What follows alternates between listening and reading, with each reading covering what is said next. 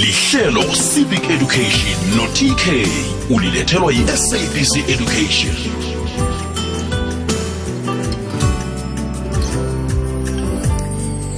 Ikwekwezi FM kukhanya ba. Siyalochisa siyakwamukela mlaleli ntambama namhlanje sikungelesine sithokoza khulu-ke kukufumana obeka indlebe ngalesi sikhathi sobusuku.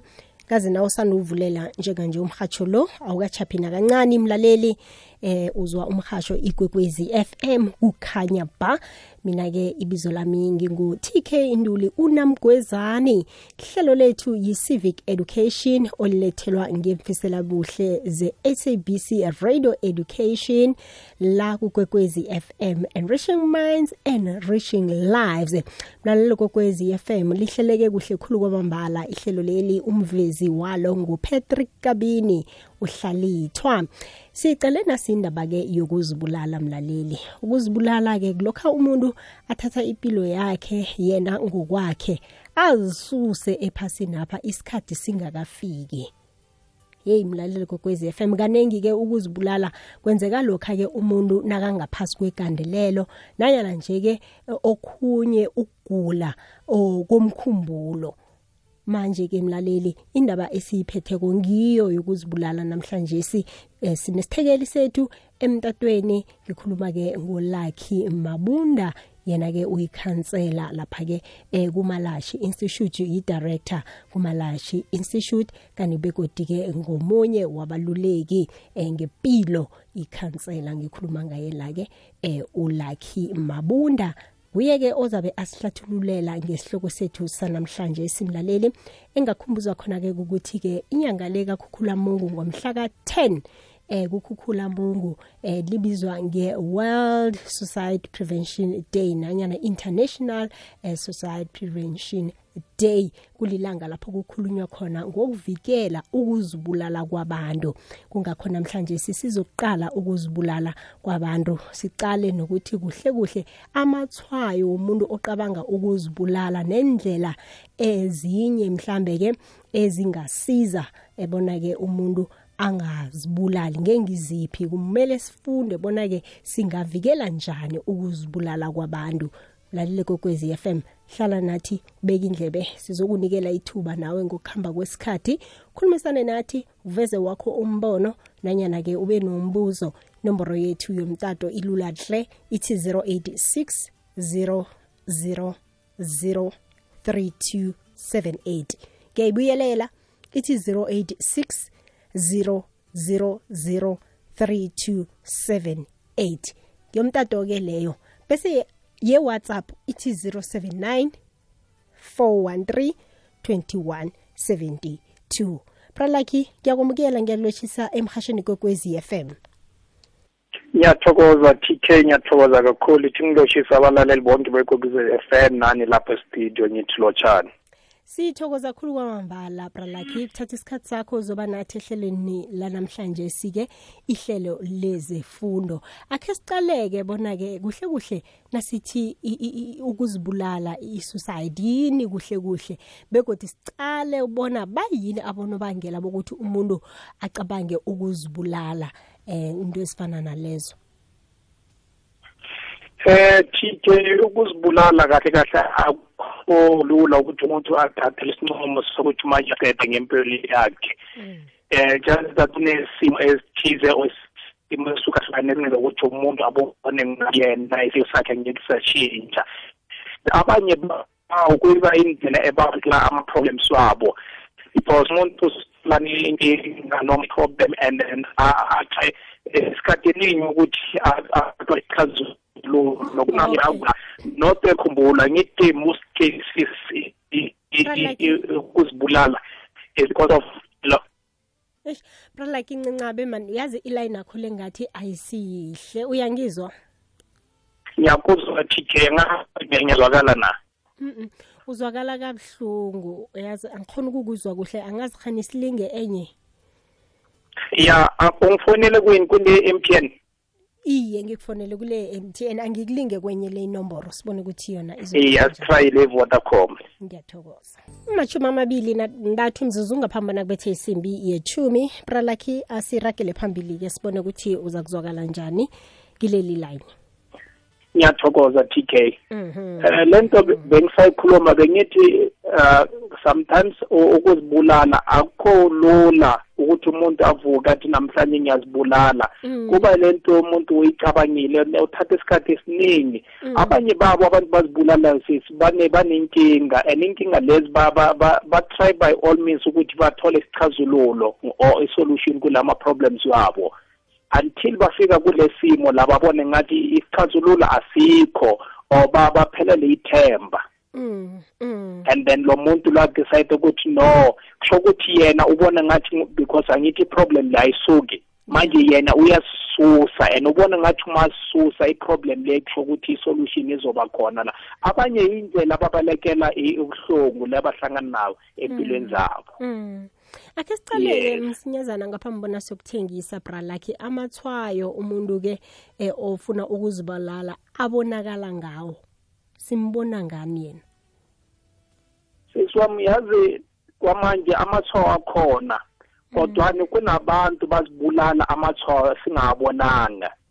And le ibanzima kakhulu because abantu abaningi abantu abasaleyo kungaba abangani noma u- umndeni walomuntu lo basala bona bayazisola bayaziblame babone ngathi mhlawumbe if bekunesayini ethize bayibonile bebazokwazi ukuthi basize lo muntu ukuthi angazibulali kodwa bakhona abantu banamathwayo Eh, kunamuntu lo uthola ukuthi samazi ukuthi lo muntu lo uthanda ibhola nginikeza example ngebhola sesi but from you know suddenly lo muntu la akasanendaba nebholo or lo muntu lo kunabantu aba- kunabanye abantu bathanda for instance ukuba clean bayageza babe right. If mo- lo muntu lo yaphuma yabona ukuthi lo thatha isikhathi sakwe ayinile omuhle. But kwamanje ubona ngathi lo muntu akasanendaba ukuthi ubuke kanjani even ama- a- aphuma ebantwini. And then abanye bakhuluma kakhulu. And then because bakhuluma kakhulu but kwesikhathi esiningi umthole one u- uhlala akhumbula acabanga kakhulu. He's in deep thought or she's in deep thought ukhuluma ukucabanga kakhulu. And then uma umbuza ukuthi problem yini bazokutshela ukuthi no ngi-right angine-problem or maybe asifuna bayi-one. Sazi ukuthi lo muntu lo bakathanda ikhampani or umngani wakho or umngani wami. Sudden akasafuni ukuthi abe ebantwini ufuna ukuzibona eyi-one nje. Yila mathwayo la. Abanye badla kakhulu abanye abadli. And abanye balala kakhulu abanye abalali. At all so bahlukahlukene labantu asifani njengabantu. So mina ngingaba nayo i- i- imikhumbulo lokuthi ngizibulale. Uthola ukuthi ngiyahleka nabantu ngiyasocialize nabo ngiyakhuluma ngi-right angitshintshanga lutho. And mara wena TK ube nenkinga and ukhumbula ucabanga ukuthi nofuna ukuzibulala nawe. But then wena uthi isolate awusafuni ukuhlala nabantu uziblame and all that. Yes. Iyazwakala bralakhi nje nje ngibawa ngentolo sokuthengisa sizobuya sirakele phambili nenkulumo yethu. okay Ahake mlalele kokwezi FM ungathoma ke njenganje udose umtato ngiyivulile ke imtato yami na ku WhatsApp ungathoma ugadangise iphimbo lakho siyabuya. ngena emahlelweni ngokuthumela iphimbo lakho ngewhatsapp ku-079 413 2172 ikwekwecfm kukhanya amahlelo woke emoyeni 086 3003278 inomboro ithi 086 3003278 ilithumi nebunane mizuzu ngaphambana kwethe isimbi yechumi umhasho ikwekwezi fm kukhanya ba uhlezi nami uthokozani nduli namgwezani kazi mlaleli kwekwezi fm sithinda la indaba yokuzibulala. Ngikhambisana-ke nolakhi mabunda nokusithekeli sethu la osihlathululelako yona indaba le ukuthi kuhle kuhle ukuzibulala kuyini begodi kubangelwa yini? Singakuvikela njani konke lokho mlaleli kokwezi FM eh ngombana-ke kuyavela abosolwazi bayatsho ukuthi ukuzibulala kwabantu pheze ngonyaka 6% yembalo zabantu eh abazibulalako eh ukhombisa ukuthi-ke abanye bakhona banemicabango yokuzibulala. Nani eliphezulu lelo mlalele kokwezi FM singanyaza kodwana-ke kuyenzeka konke lokho emiphakathini esiphila kiyo sizwe ukuthi umuntu uzibulele. Njeke yinto-ke sitshejileko namhlanje sinokuthi-ke singakukhandela njani konke lokho. Bralakhi usekhona? Ngisekhona TK ngithokoza kakhulu kwamambala. Njengoba bosaveza amathwayo ukuthi umuntu ufuna ukuzibulala uziphatha njani wenzani? Mhlambe ke kaningi ngiziphi izinto ezivamise ukwenza ukuthi umuntu aqabange ukuzibulala? Eh TK kwamanje uh, again kuhlukahlukene but ithini break it down in this way. Kunabantu yabona kwamanje eh kune 23 amacala ayi-23 abantu abazibulala la e-south africa every day. But kule 23 le last time wasikhuluma bebathi kune 230 attempt kusho ukuthi kwabantu abayi-10 abafuna ukuzibulala oyi-one iyasucceeda so kule 230 and then i-10 bayakwazi ukuthi basucceede bazibulale. And then le le 9 out of le 10 le bayasurvive but then iproblem ukuthi labantu la ama-survivors la bazophinda futhi batry until basucceed ukuthi bazibulale nabo. Eh ngikhumbula ngise one of the universities khona la eJoburg. Kune a week before nya lapho ke kunomntwana wesikolo la uzibulele from ku e-floor one of the floors la uzilahlele phansi washona. And then just uh, ama few hours before sibulala uh, abantwana balesikolweni la abafundi abanye bebathi bebacabanga ukuthi yadlala bathi no you can throw yourself usiphosele phansi nini? And wasiphosela phansi vele so ezinye ezinye is just a cry for help. Umuntu unenkinga but akakwazi ukuthi akhuluma aphuma yekuwe athi no ne-problem uzoyenza izinto ukuthi yenze athole i-attention.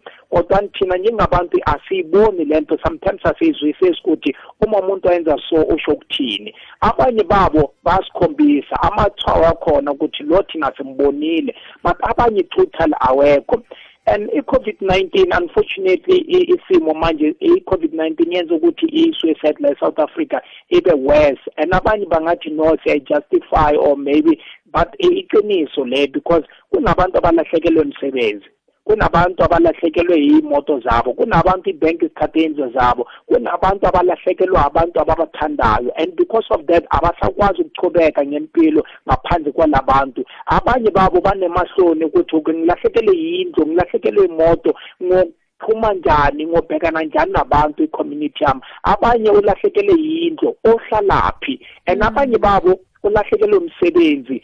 Anabantwana base-tertiary university and lo muntu lo ubaba oroma ekhaya ubone ngathi yazi sho ukuthi mina ngifeyilile njengomzali. And akakwazi ukubuyela ekhaya yobhekana nabantwana bakhe abatshele ukuthi angisakwazi ukuthi ngichubeke ngibhatalele imali yase-tertiary. So lento leyamudla until abone ngathini lento le inkulu kakhulu angeke mina ngifeyisana nayo. Kungcono mina ngizibulale because angeke ngisabona lezi zinto zenzekayo. Hmm.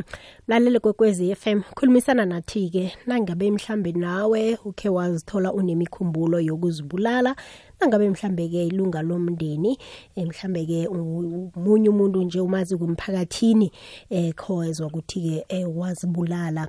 Eh ngikuphi mhlambe owakufundako nowakuzwako eh ngalokho? Begodi ke nawe nangabe ukhe waba sesibini esinjalo udlule njani? Ke ngithi ke ukhe waqabanga walinga ukuzibulala. Khulumisana nathi ke nawe mhlawumbe ufuna uba nombono naye na umbuzo ngaphakathi kwendaba esiyiphethe kule ungakhulumisana nathi 0860003279 njenganje bralakhi ngiba okhe sizwe nje la umlaleli athumele khona iphimbo lakhe. Okay. Lutshane kwekwezini? Ukhuluma nolukas mahlango la emlodo la. Hayi ndaba lekuzibulala le vele abantu abaningi vele yazi bacama ukuthi vele ncobe imlando le vele ukuzibulala le and live into le vele ayisinto e-right yazi? Ayisinto e-right mhathi ngiyathokoza. Ahaye sithokoze sizomunye nangugodu. Hello TK nesithekeli sakho TK. Hey TK man ngahlangabezana nenkinga ngathi ngiyokutheza ngelinye ilanga ngahlangana nomunye umfowabo sichaba lapha. Athi batsho bekazibophelele ngiyayibona nerobho nayi phezulu kwechaba. Athi bekathi uyazibulala manje lechaba laphuka. Hey TK manje ngabiza amaphoyisa lapha amaphoyisa azonceda lo muntu.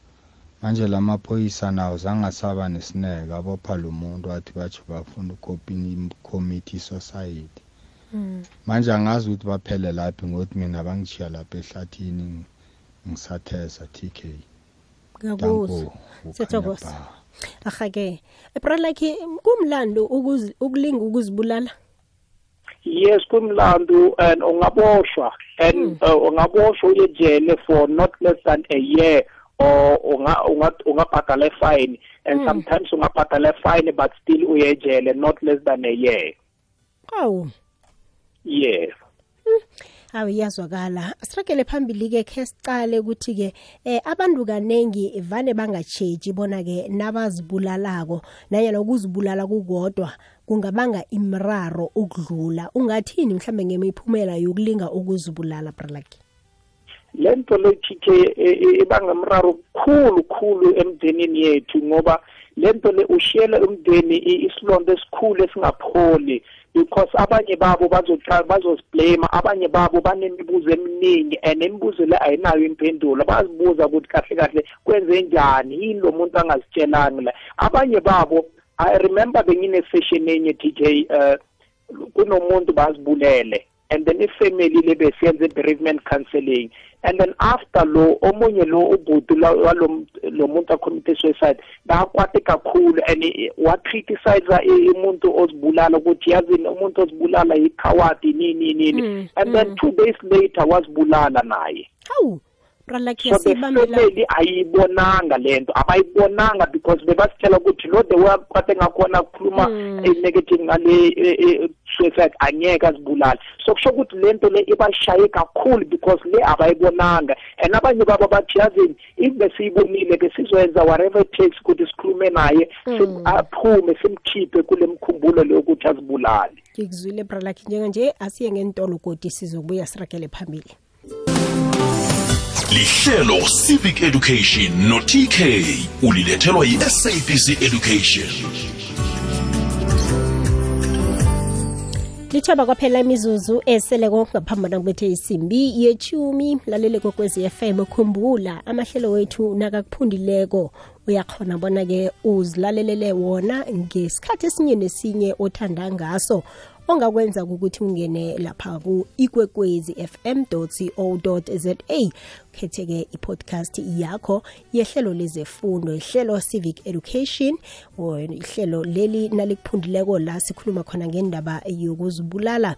Uyakhona ukuthi-ke ulalele meme nje nomunye umuntu ukuthi hayi khe sizwe indaba nanzi ngapha nilalele amahlelo womhasho ikwekwezi FM aniphundileko njenganje sirakela phambili-ke bralakhi ngifuna khe sizwe godi-ke umlaleli wekwekwezi FM othumele iphimbo lakhe ku-whatsapp 079 413 2172 inomboro ye-whatsapp leyo.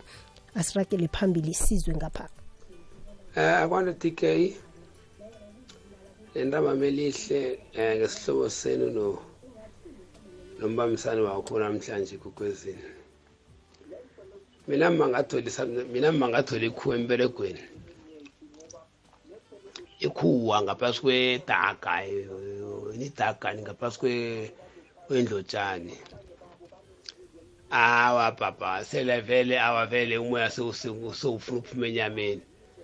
Hawa nkosi yami samhelebhe sadawula inrambo wawela phasi.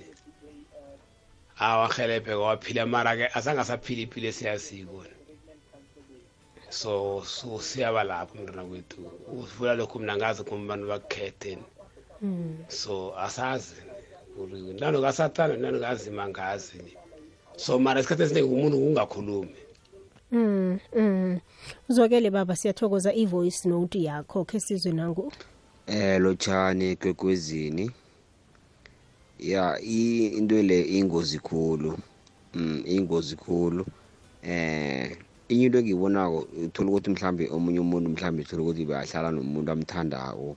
So ukuthi lokho umuntu lo omthandako lo angasekho lo bese mhlambe impilo yakhe ithoma iba nzima. Mhlambe eh kwenzeke ukuthi nabantu mhlambe sebamceka yabona? Mhlambe abanye batsho kuye bathi ya wena vele uphu- ngeke uphumelele empilweni ngobani bani nguye bekakusiza izinto ezinjengalezo.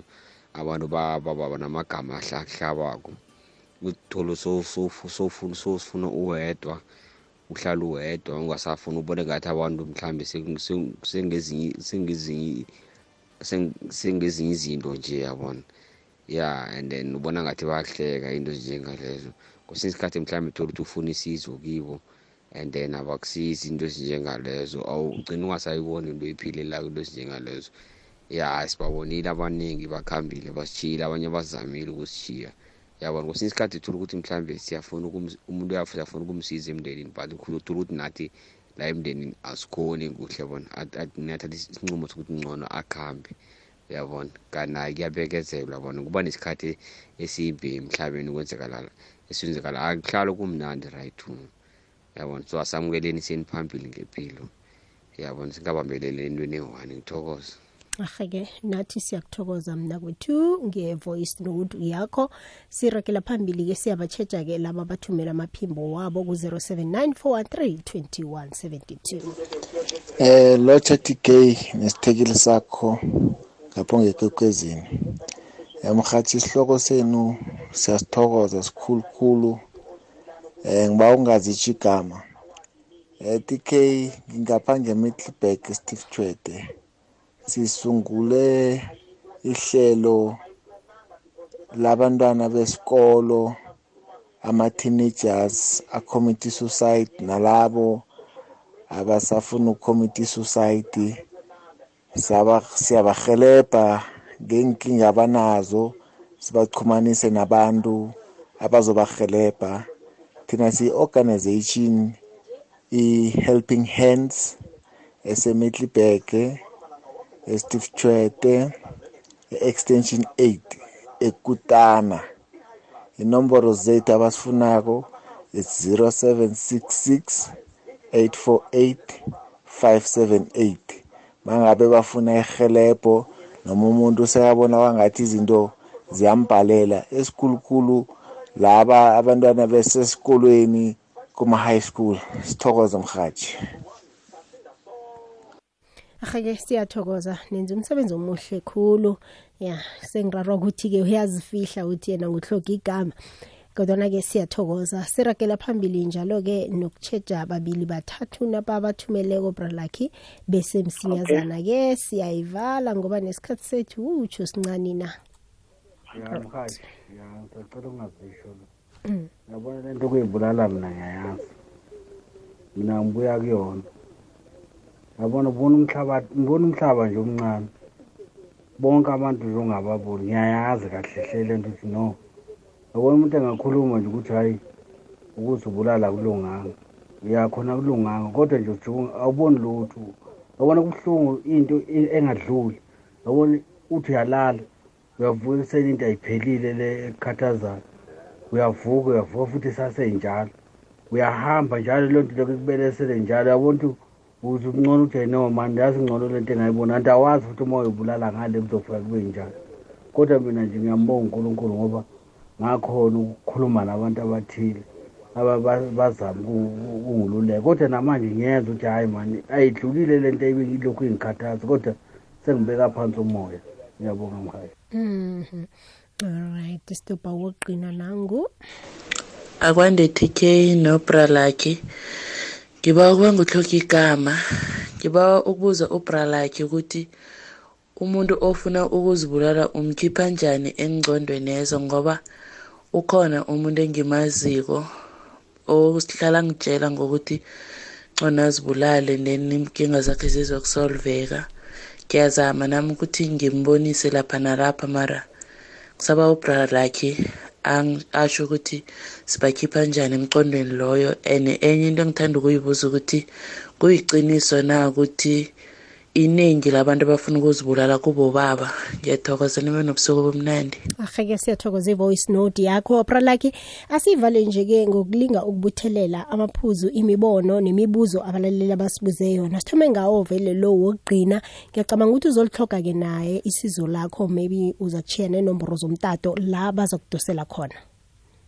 Okay le iqiniso ukuthi abobaba yibo abantu aban- eh, laba balida ukuthi abantu aba- abafuna ukuthatha impilo zabo. And mostly bekuyabobaba bebelungu but kwamanje sikhombisa ukuthi abantu aba- abamnyama nabo eh, a- inamba yabo iyakhuphuka kakhulu. Kusho ukuthi isimo sesiqala kuba nzima for wonke umuntu manje.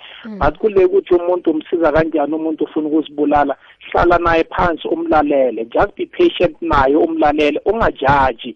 Because most cases abantu bafuna ukuzibulala kahle kahle abafuni ukuzibulala. Just ban- banenkinga and kahle kahle bafuna ukuthi le nkinga le isuke or le nkinga lezi isuke so lalela ukuthi bafunane and ubakhombise bi- ukuthi i-life yabo is bigger than le problem le phela. Ukuzibulala it's a, it's a permanent thing and then i-problem le it's a, it's a temporal because ingaphela le inkinga le ingasuka kusasa. If umuntu uthi lahlekele yindlu two years later angathola umsebenzi omunye athenge enye indlu. But if uyazibulala ngeke usayithenga le ndlu le. Ukhona And then okwathinda kule- iye bralakhe msinyazana kwathinta omunye indaba yama-relationship yokuthi-ke umuntu unakahlukene nomunye uzibona angaseselitho abona impilo yakhe izababudisi ukuya phambili. Yes le ma-relationship le iyafana ngco nale yama-covid-19 ukuthi abantu balahlekelwe. Is either lo mu- abantu bashonelwe or abanye ba- bahlukene separation or divorce. So kunomuntu lo uyahluleka ukukhopha ngaphandle komunye umuntu or umuntu othize. And ubone ngathi ilife yakhe angeke isachubeke uma angaphi lo muntu lo. That's why abanye bayazibulala. Bakhona vele bazibulala bazibulala bazibulalela abantu. So lento lezingahlali nayo phansi because lento yenze ukuthi umuntu azibulele kule situation lesimo le ipain le akakwazi uku-accepta. So through counseling hlala naye phansi simsize ukuthi accept abone ukuthi ilife iyachubeka ngaphandle kwalo muntu lo. Ngiyathokoza bralakhi asitshile umlaleli inomboro zomtato la utholakala khona. Mina ngitholakala ku-zero seven six two four three three eight five five zero seven six two four three three eight five five or ku-zero six three eight five one ten twenty five zero six three eight five one ten twenty five. Ngiyatholakala ku-facebook it's malash mabunda ku-instagram it's malash underscore mabunda five ku-twitter it's malash underscore mabunda. Ahake bralakhi ngithokoze khulu kwamambala ukuba nathi ehlelweni ube nobusuku obuhle. Ngithokoze kakhulu TK ngilothisela ungithokozele lapha estudio. Ahake sithokoze mlaleli kokwezi FM esikhulumisana naye ngulakhi mabunda oyikhansela abuye abe yi-director kumalachi institute. Ungamthola kinazi nomboro 0638511025 nanyana ku-076 zinomboro zakhe la umthola khona. Sithokoze khulu kwamambala kubeka kwakho indlebe ngithokoze imtato ngithokoze ama-voice note ngiba urakele phambili ubeka indlebe. Khona umindlu lafu nehlelo sizigedlile bekubethe isimbi yechumi inambili mina nawe sihlangana godu ngomvulo ehlelweni umthombo welwazi. Bizo lami ngingu-tk unamgwezani khambile